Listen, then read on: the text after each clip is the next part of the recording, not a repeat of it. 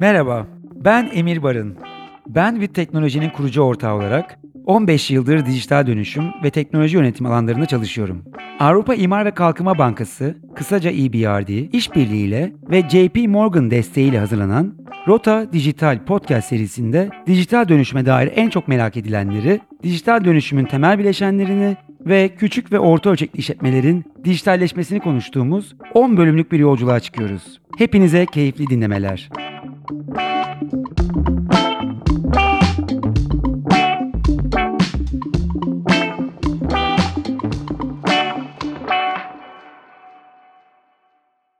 Merhaba. Rota Dijital Podcast serimizin bugünkü konusu dijital dönüşümün şirket kültürüne etkileri ve şirket kültüründeki değişimin yönetimi. Bu konuları konuşmak üzere çok değerli iki konuğumuz var. İlk konuğumuz 2004 yılından bu yana sayısız mutfak profesyoneli yetiştiren, hepimizin severek takip ettiği Mutfak Sanatlar Akademisi'nden Stare Baraz. Bir diğer konuğumuz ise uzun yıllardır İDEKON firması ile COBİ'lerle dijitalleşme üzerine çalışan, dijital pazarlama, sosyal medya eğitimleri veren ve dijital liderler yetiştiren bir kadın girişimci Yaprak Yapsan. Hoş geldiniz. Merhaba. Hoş bulduk, merhaba. Hoş bulduk. Çok teşekkürler programa katıldığınız için. Ben teşekkür ederim. Bugünkü konumuzda demin de bahsettiğim üzere firmaların artık dijitalleşmelerini konuştuktan sonra ki kültür dönüşümünü konuşacağız.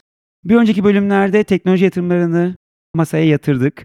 Firmaların son yıllarda birçok alanda teknoloji yatırımı yaptığını görüntülüyoruz. Birçok alanda hem donanım hem yazılım yatırımlarını arttırdığını aslında gözlemledik. Ve bununla beraber de iş yapış şekillerinin değiştiğini artık hepimiz tanık oluyoruz. Burada süreçlerin sadeleştiğini, şeffaflaştığını ve hızlandığını görüyoruz. Ama aynı zamanda sistem kullanımı alışkanlığının da yerleşmesiyle bir kültür dönüşümü yaşanıyor firmalarda. Ve bu da aslına bakarsanız çok da kolay değil. O yüzden e, sizleri davet ettik bugün ki podcast konumuza ve bugün sizinle beraber bu konuları biraz masaya yatıracağız. İlk olarak Star'e seninle başlamak istiyorum. Mutfak Sanatlar Akademisi'nin yaşadığı bir dijital dönüşüm var ve bu dönüşümle beraber de şirket kültürünün aslında dönüştüğünü ve etkilendiğini söyleyebiliriz. Çok kısa senden son yıllarda yaptığınız dijital dönüşüm çalışmalarını ve bu çalışmaların kültüre etkisini dinleyebilir miyiz? Tabii ben de çok memnun oldum. İyi ki çağırdın. Şimdi MSA aslında bir girişimci şirketi öyle başlamam lazım. Dolayısıyla e, biz 20. senemiz bu yıl çok hızlı büyüdük. Aslında ben hani müşteri tabirini pek sevmem ama MSA'ya gelen e, çok farklı profillerimiz var bizim öyle söyleyeyim. Bir kere profesyonel tarafta çok gençler var. Yani yaş ortalaması 20-22 profesyonel programlarda. Workshoplarımızda ona yaşam boyu eğitim diyoruz. 7'den 77'ye. Çok e, farklı bir profil var. Restoran tarafı apayrı. Herkese kucak açtığımız bir yer. Dolayısıyla bu girişimci şirketi e, büyürken bir de hızlı büyürken çok farklı ihtiyaçlara cevap vermek durumunda kaldı ve e, bizim marka prensipleri gereği de çok kırmızı çizgilerimiz de çok. Bunu artık söylemekten imtina etmiyorum ama dolayısıyla müşterimiz de, müşterilerimiz de, gelenler de, öğrenci de olsa, işte workshop katılımcısı olsa çok talepkar oldu bizden. Yani çıtayı biz bilmeden ama birazcık da bilerek çok yükseğe koymuşuz demek ki biz bunu gördük. Dolayısıyla hızlı büyürken 20 sene içinde dijitalleşme tarafında bize bir baskı oldu. Yani dışarıdan çok ciddi bir baskı oldu. Gençlerden oldu. Verimlilik tarafında içeriden oldu çalışanlarımızdan. Ee, workshop katılımcıları dediğim daha amatörce yeme içmeyle ilgilenen kitleden oldu. Onlar daha fazla kontente erişmek istediler. Bazı işlemleri çok daha hızlı, kolay yapmak istediler, erişim e, vesaire. Dolayısıyla biz yavaş yavaş hissetmeye başlamıştık bu baskıyı ama bir 7-8 sene önceden itibaren çok ciddi şekilde düşünmeye başladık ama bizdeki durum şuydu. Girişimci şirketi diyorum ya, ya bayağı kağıt bazlı ba- başlandı bizde her işe. Normal firmalarda olduğu Aynen gibi. öyle yani öyle başlandı öyle ama başlar. hızlı büyüyünce arkadan toparlamak da çok zor oluyor. Yani bir anda da dönüşmek mümkün değil bir gecede. Çok farklı başlıklar da var. Dolayısıyla biz bir gün oturduk dedik ya bir dakika bu işi biz ne kendi kendimize yapabiliriz Çünkü MSA'nın bir IT bölümü bile yoktur aslında. Hala da yok. Biz her şeyi iyi yapana bırakma e, prensibinde olduk hep. Dolayısıyla dedik ki bu bir vizyon olsun. E, bir resim çizelim kendimize ve önceliklerle başlayalım. Bu 5 aylık bir proje de olmayacak, 2 senelik de olmayacak. Çünkü dönüşüm kelime itibariyle zaten sonsuz. Yani bir de Hep bugünün devam edecek. teknolojisini düşünürsen her gün yeni bir şey giriyor hayatımıza. Ben hep söylerim okulda da hiçbir şey taşa yazılmış değil. Bugün bir projeye başlarız, yarın bambaşka bir teknoloji çıkar. Ya bunu peki nasıl dönüştürürüz buna? Böyle gidelim dedik ama bir vizyon oluşturduk tabii. Bir harita çıkardık. En öncelikli başlıklarımızdan başladık. Bunlardan bir tanesi yine profesyonel programlarda öğrenciyi daha ilk bize başvurusundan web sitesinden artık okuldan çıkıp sektöre atıldığında nerede olduğuna kadar takip etmeyi dijital olarak yapacak bir altyapı kurmaktı. Buradan başladık. Yani artık notlarına da kendi baksın. Yarın işte kar tatili oluyorsa ona notification gitsin. Hong Kong'a gittiyse çalışmaya bize hemen bir notis gönderebilsin. Böyle bir şey kurmak istedik onlara. Platform çok kolay. Oradan başladık işe. Sonra çok ciddi bir kitlemiz vardı workshoplarda. Sen de iyi biliyorsun. Katıldık da. Ee, aynen senede 22 bin kişi geçiyor. Dolayısıyla orada biz bir biletleme platformuyla yola çıkmıştık. Yani tamamen operasyonu dışarıya outsource etmekte oradaki amaç. Ama zaman içinde gördük ki bizim oradaki katılımcılarımızı tanımamız lazım. Yani bir katılımcı artık senede 20-25 workshop'a geliyorsa kendini geliştirmek üzere bizim artık ona erişip bir dakika gel seni nasıl daha biz geliştirebiliriz biz sana yön verelim dememiz lazım. Veya sadece teşekkür etmemiz lazım e, MSA'ya geldiği için. Bunun için müşteri datası bizde olmalı. Operasyonu biz nasıl taşıyabiliriz? Çünkü biz bir biletleme şirketi değiliz ama bunu eminiz dedik çok kolay yapmanın yöntemi vardır. Dolayısıyla artık bütün workshop biletleri MSA'nın kendi sitesinden ve app'inden satılıyor. E tabii orada en önemlisi müşteri deneyimine de artık biz hakimiz. O bizim için çok önemliydi.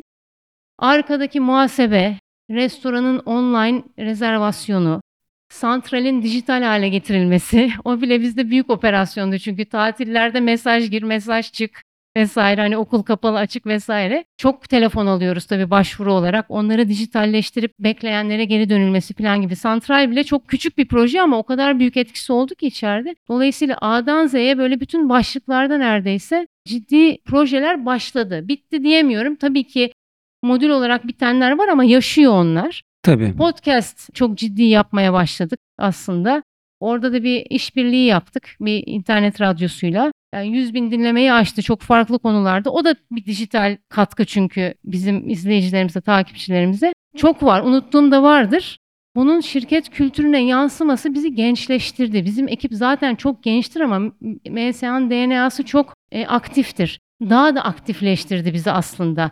Tabii ki konuşacağız birazdan herhalde. Rezistanslar oldu. Çok da doğal ve Tabii. insani. Bunu her sektörde görüyoruz. Bu tip büyük dönüşümlerde ama genel olarak çok gençleştirdi ve nasıl söyleyeyim çok aktif olduk. Yani yeni şeyleri düşünür olduk. Ya o da mı bu da mı? Biri şunu yapmış. Bak Amerika'da bu olmuş. Şu okul şöyle davranmış falan gibi. Biz de artık oradan buradan yaptık ya bir kere. O bize özgüven getirdi ve çalışanlara da özgüven getirdi. Dolayısıyla bizi çok daha da gençleştirdi diyeyim öyle söyleyeyim. Süper. Çok güzel örnekler bu arada. Yani ben satırlarına baktığım zaman müşteri odaklılığı da görüyorum. Bir hızı da görüyorum. Bu arada hızlanma da var. İnovasyon zaten var. Çünkü artık beklenti de o olmuş. Gençleşme dediğin çok önemli bir konu. Çünkü artık gençler her yerde seslerini çok yükseltiyorlar ve firmalarda, Tabii. kurumlarda artık bunlara cevap veriyor. Ben bu noktada yaprağa dönmek istiyorum. Çünkü gerçekten de hem kendisi bir tarım girişimcisi hem de birçok firmayla, birçok kişiyle, bireyle de beraber çalışma e, yapıyorsun. Ve dijitalleşme üzerindeki çalışmaların çok fazla dijital alanlarda. Stare'nin bahsettiği alanlarda e, deneyimlerini duyduk. Senin gördüğün daha farklı eklemek istediğin noktalar var mı bu noktada? Teşekkürler öncelikle davet için. Ben iki tarafta da çalışıyorum. Hem dijital liderlerle çalışıyorum ya da üst düzey yöneticilerin dijitalleştirilmesiyle ilgili çalışıyorum. Diğer tarafta da şirket kültürünün dijitalleştirilmesi ve dijital dönüşüm yolculuğuyla ilgili danışmanlıklar veriyorum ve eğitimler düzenliyorum veya işte markanın güçlendirilmesiyle ilgili işler yapıyorum.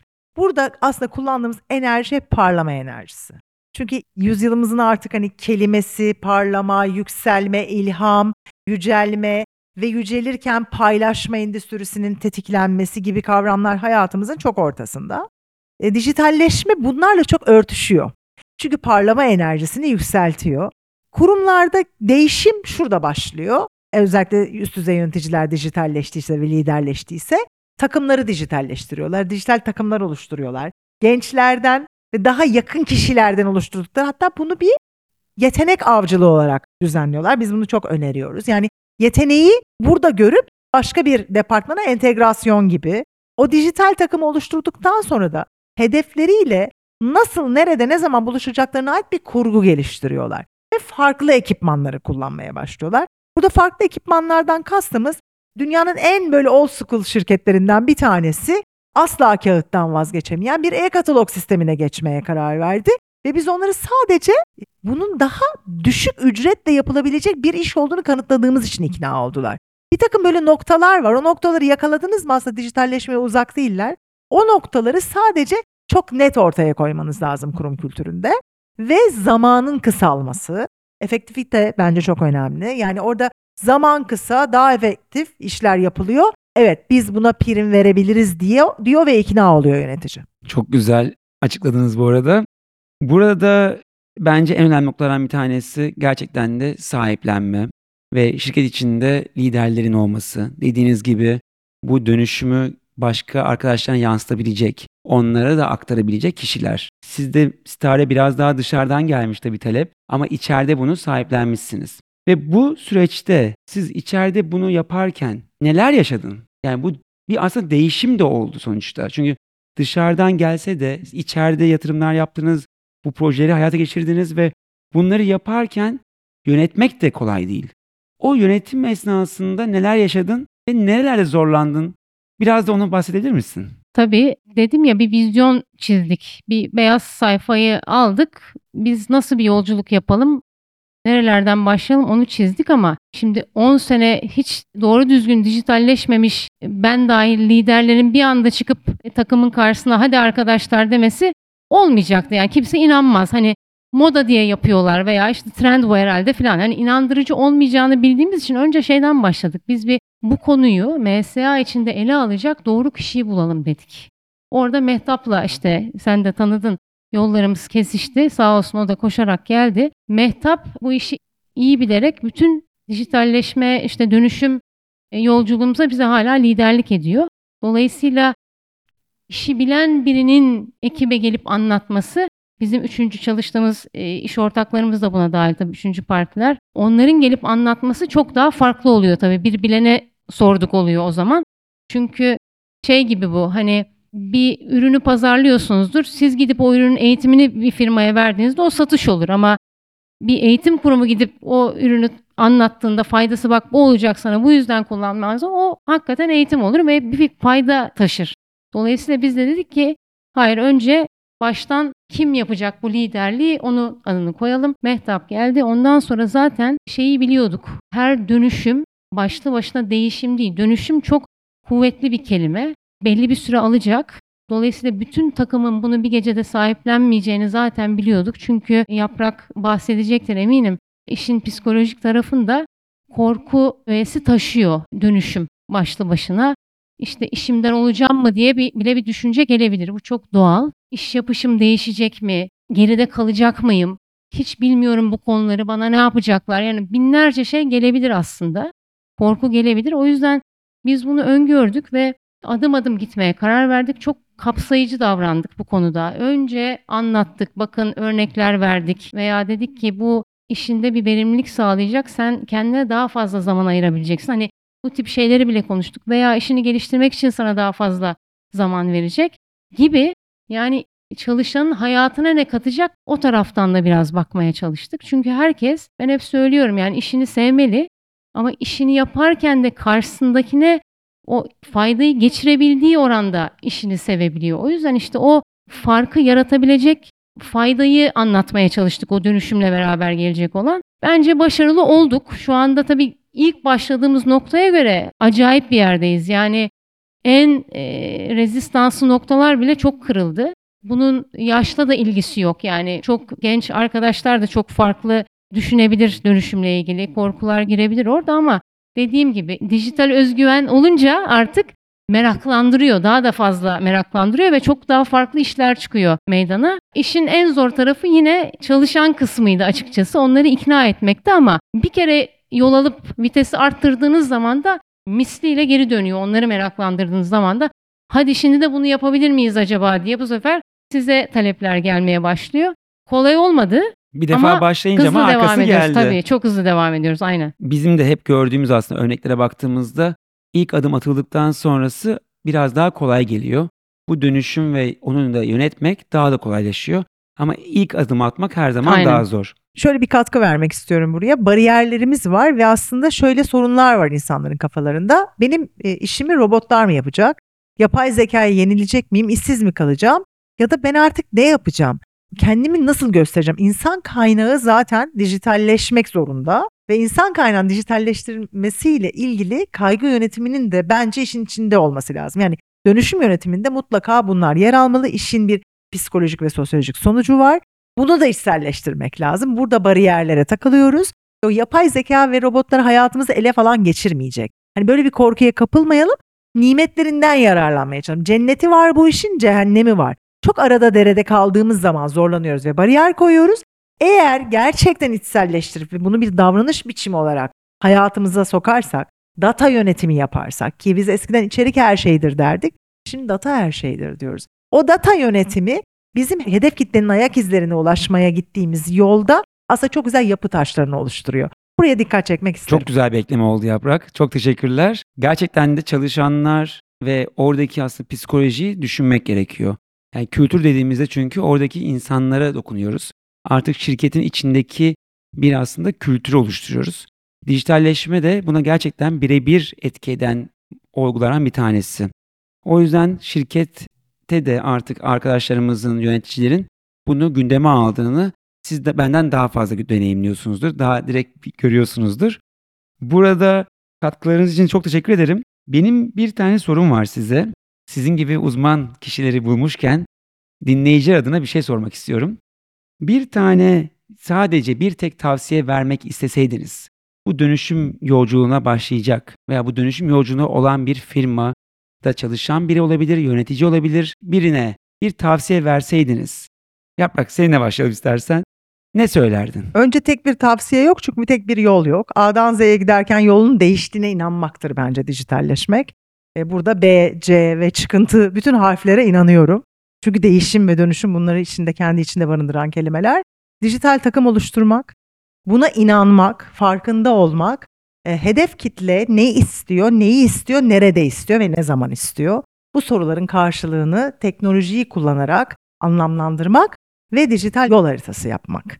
Ben birkaç tane cevap verdim. O dijital yol haritası gerçekten e, zamana yayılırsa, argümanlar doğru konulursa harika bir yolculuk. Çünkü artık dediğim gibi finansal değerlendirmelere giren bir konuyu konuşuyoruz. Hayatımızın çok odağında bir konuyu konuşuyoruz. Dijitalleşmemek mümkün değil. Ama keyifle, bilinçle ve farkında olarak dijitalleşelim ki hedef kitlemizle hem buluşalım hem hedef kitlemizi geliştirelim. Ben buna inanıyorum. Süper. Bence de birden fazla aslında söyleyecek şey var ama şöyle diyeyim dijital dönüşüme niye karar verdiğimizi aslında ortaya çok net koymanın hem çalışanlara hem o projeye liderlik edeceklere işin sahibine çok faydası var. Demin dedim ya biz A4 kağıdı aldık bayağı çizdik. Şuralardan başlamalıyız ama ileride de şunlar gelmeli diye. Orada da hem işe katkısı ne olacak? Biz operasyonel verimlilik demiştik buna. İlk hakikaten ihtiyaç olarak o çıkmıştı. Çok fazla manuel işimiz vardı çünkü. Hem de dedik ki çok genç bir kitlemiz var. Onlara artık daha farklı yöntemlerle erişmemiz lazım. Orada dediğim baskı işte zaten geliyordu bize. O yüzden bizim iki tane net yola çıkış sebebimiz vardı. Bunu yaparken ama mutlaka ve mutlaka içerideki tüm personeli kapsamak ve onların hayatı nasıl değişecek pozitif anlamda bütün bunları yaparken onu çok e, sabırla anlatmak, adım adım anlatmak çok önemli olacak. Ben de bunu tavsiye ederdim. Özetlemek gerekirse insanı merkeze koyuyoruz. Yani gerçekten de kültürü insan üzerinden inşa ediyoruz. Ne kadar dijitalleşme günümüzün bir konusu olsa ve o kadar çok yatırım yapsak da günün sonunda insan bizim aslında en değerli kaynağımız. Ve bunun üzerinden şekillendiriyoruz. Çok çok teşekkür ederim ben katkılarınız Biz için. teşekkür ederiz. Çok Biz mersi. teşekkür ederiz. Bugün katıldığınız için. Bugün çok güzel bir şekilde aslında insan ve şirket bağlantısını dijitalleşmeyle beraber firmalardaki kültür dönüşümünü, bu dönüşümü nasıl yöneteceğimizi konuştuk. Stare, Yaprak katkılarınız için çok teşekkür ederiz. Bundan sonraki bölümlerde daha farklı alanlarda görüşmeler yapacağız. Bir sonraki bölümümüzde çevre ve yeşil dönüşüm hakkında uzman kişilerle bir araya geleceğiz. O bölüme kadar şimdilik hoşçakalın. Teşekkürler. hoşça kalın. Teşekkürler. Hoşça kalın.